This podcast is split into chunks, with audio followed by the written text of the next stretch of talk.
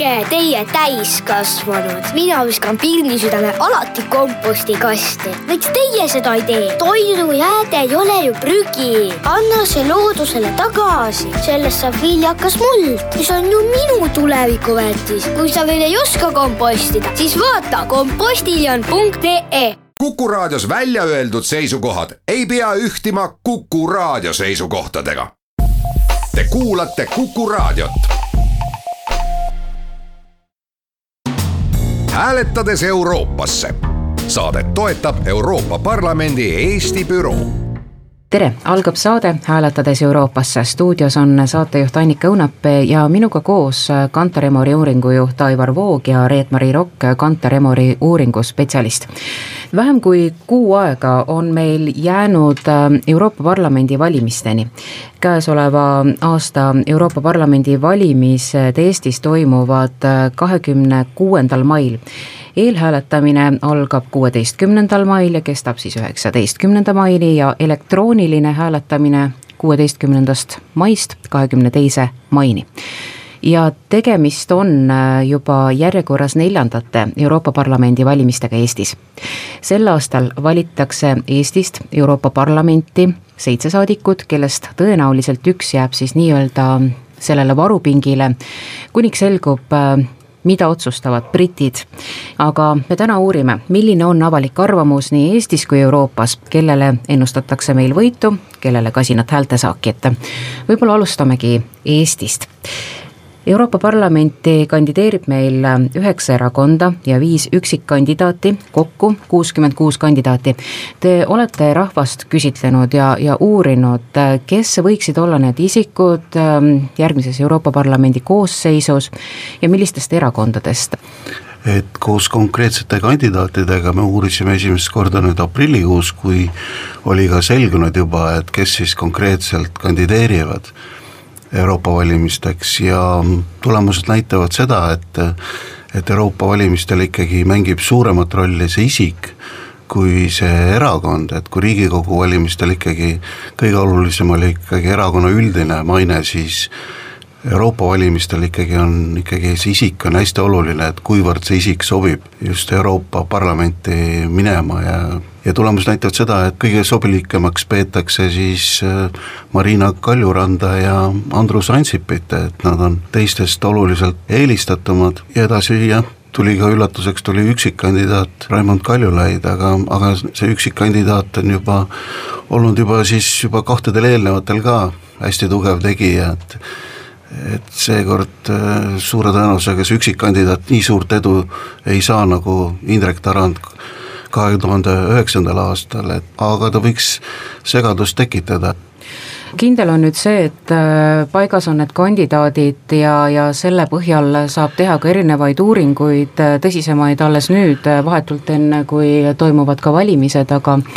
Te olete siin juba varasemalt ka eelmise aasta lõpuseisuga uurinud erakondade toetust, et äh, keda toetatakse seoses nüüd äh, Euroopa Parlamendi valimistega, millised on need suurimad muutused olnud äh, läbi erinevate kuude, et kes on oma sellist toetust kasvatanud ja kes on kaotanud? et kui me lihtsalt erakonna nimega uurisime, siis kindel liider oli Reformierakond ja teisel kohal oli Keskerakond, aga aga nüüd seoses nende konkreetsete kandidaatide selgumisega on siis Reformierakonna osakaal mõnevõrra vähenenud ja, ja samamoodi ka Keskerakonna osakaal, mis oli üle kahekümne protsendi, aga nüüd aprillikuus mõõdetuna vaid siis kaheksateist protsenti, et ja Reformierakond, mille osakaal oli lihtsalt erakonna nimena mõõdetuna oli ligikaudu kolmkümmend, siis nüüd ta on kahekümne kolme protsendi tasemel, et, et siis nagu juba ennem ka sai räägitud, et et kuna need Euroopa valimised on nagu rohkem isikuvalimised, et mitte erakonna valimised, et siis need tulemused või eelistused ei peegelda seda, neid proportsioone, mis oleks Riigikogu valimiste kontekstis. Ja, ja see, mis on nagu erinev veel võrreldes lihtsalt erakonna nimedega mõõdetuna, on see, et sotside positsioon on ol-, oluliselt tugevam seoses selle nende esi-, tugeva esinumbriga Marina Kaljurannaga, et keda ei seostata niivõrd vist äh, sotsidega, et teda peetakse lihtsalt sobivaks isikuks äh, Eestit esindama, nii nagu ka Raimond äh, Kaljulaidiga on, et, et teda lihtsalt peetakse sobivaks ja, ja ja need kaks isikut võtavad siis kahelt suuremalt erakonnalt kõige rohkem ka hääli, nii Reformilt kui ka Keskerakonnalt, et mille pärast need siis kaks erakonda paistavad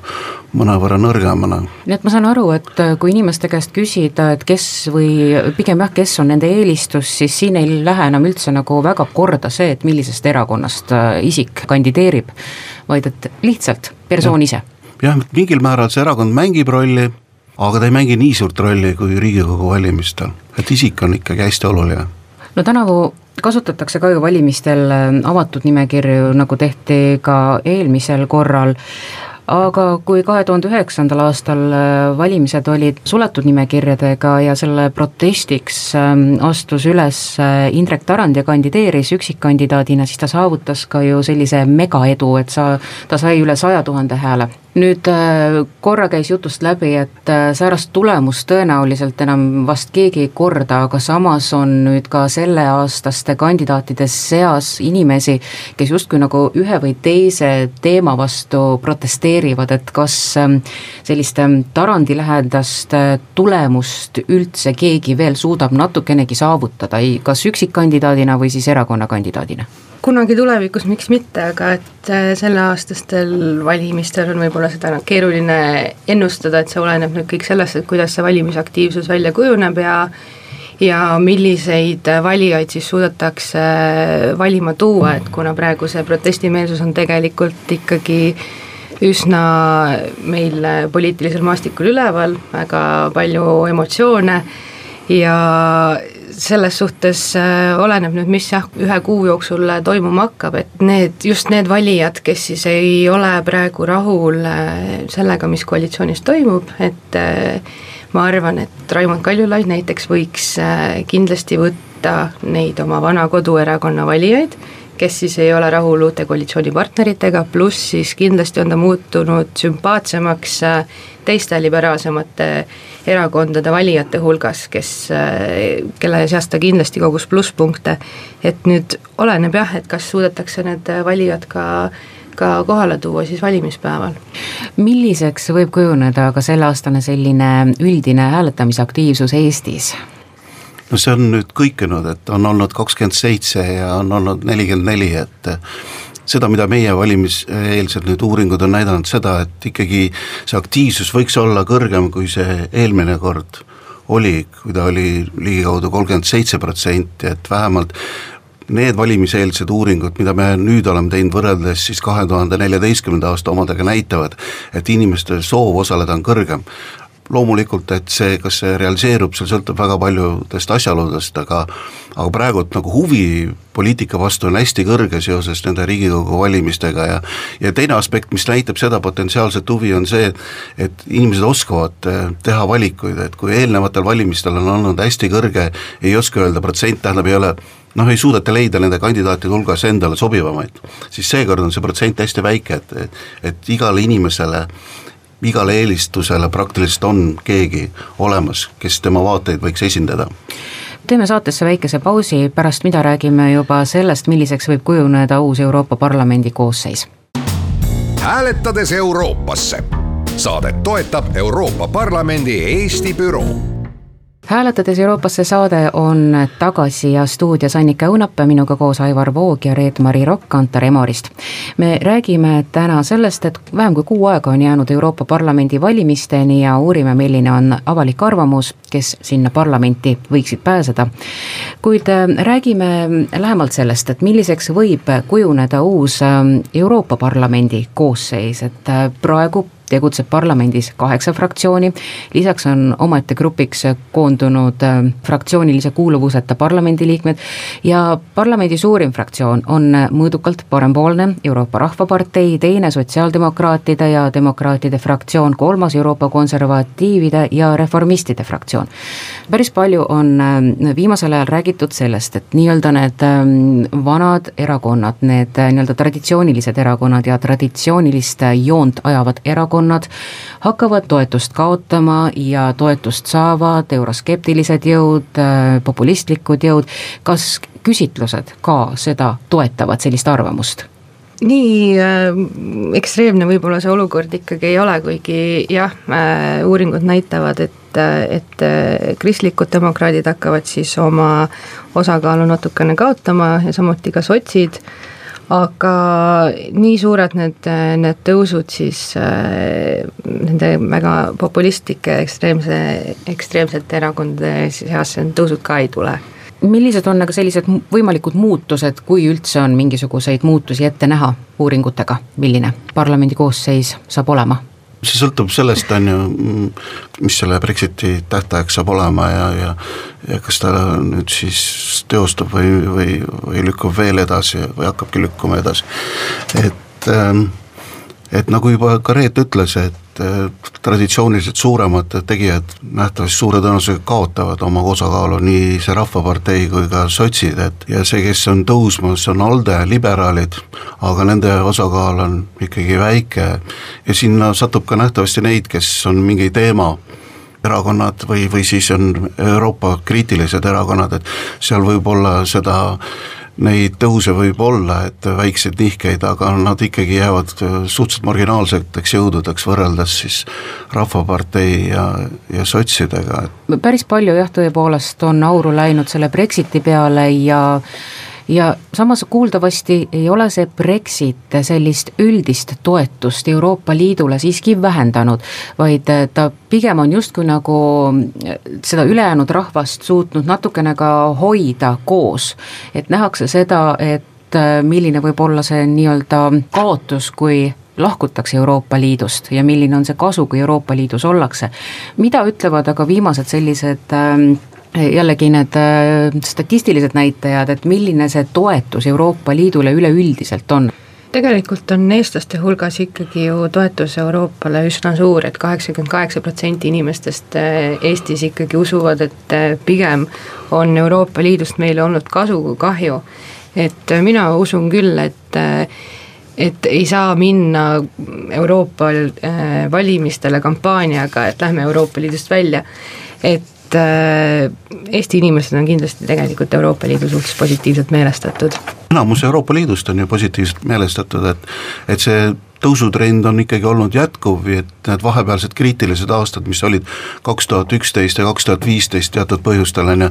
et nendest, sellest perioodist on üle saadud ja ja suhtumises Euroopa Liitu on ikkagi tõusev positiivne trend, et ka enamus Euroopa Liidu kodanikest, kui tuleks uus referendum või, või, või kui nende käest küsida, kas nad toetaksid Euroopa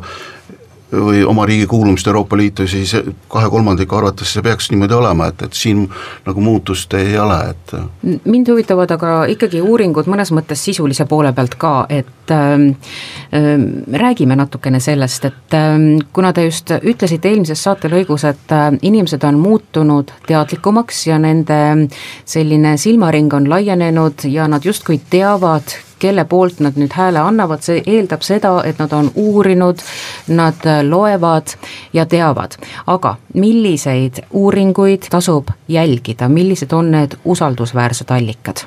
kõige parem allikas on Europarameeter, mida viiakse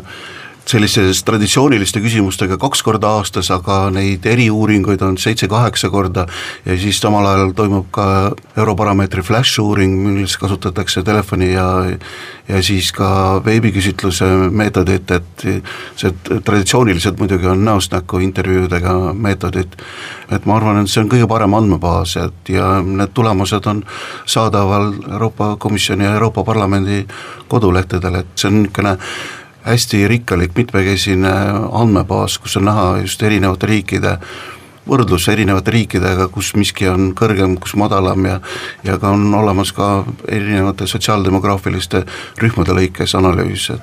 aga kuidas äh, säärased uuringud äh,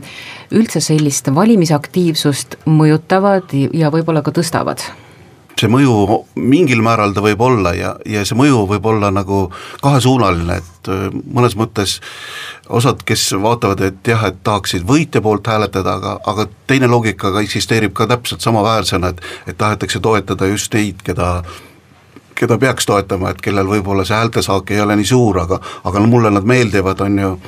kui vali potentsiaalsele valijale ja ma toetan neid, et, et siin neid loogikaid on mitmeid, et ja siin ei ole ükski uuring kinnitada, et et uuringu tulemused võiksid nii või teisiti kallutada, mingi mõju seal väike on, aga, aga ta on nagu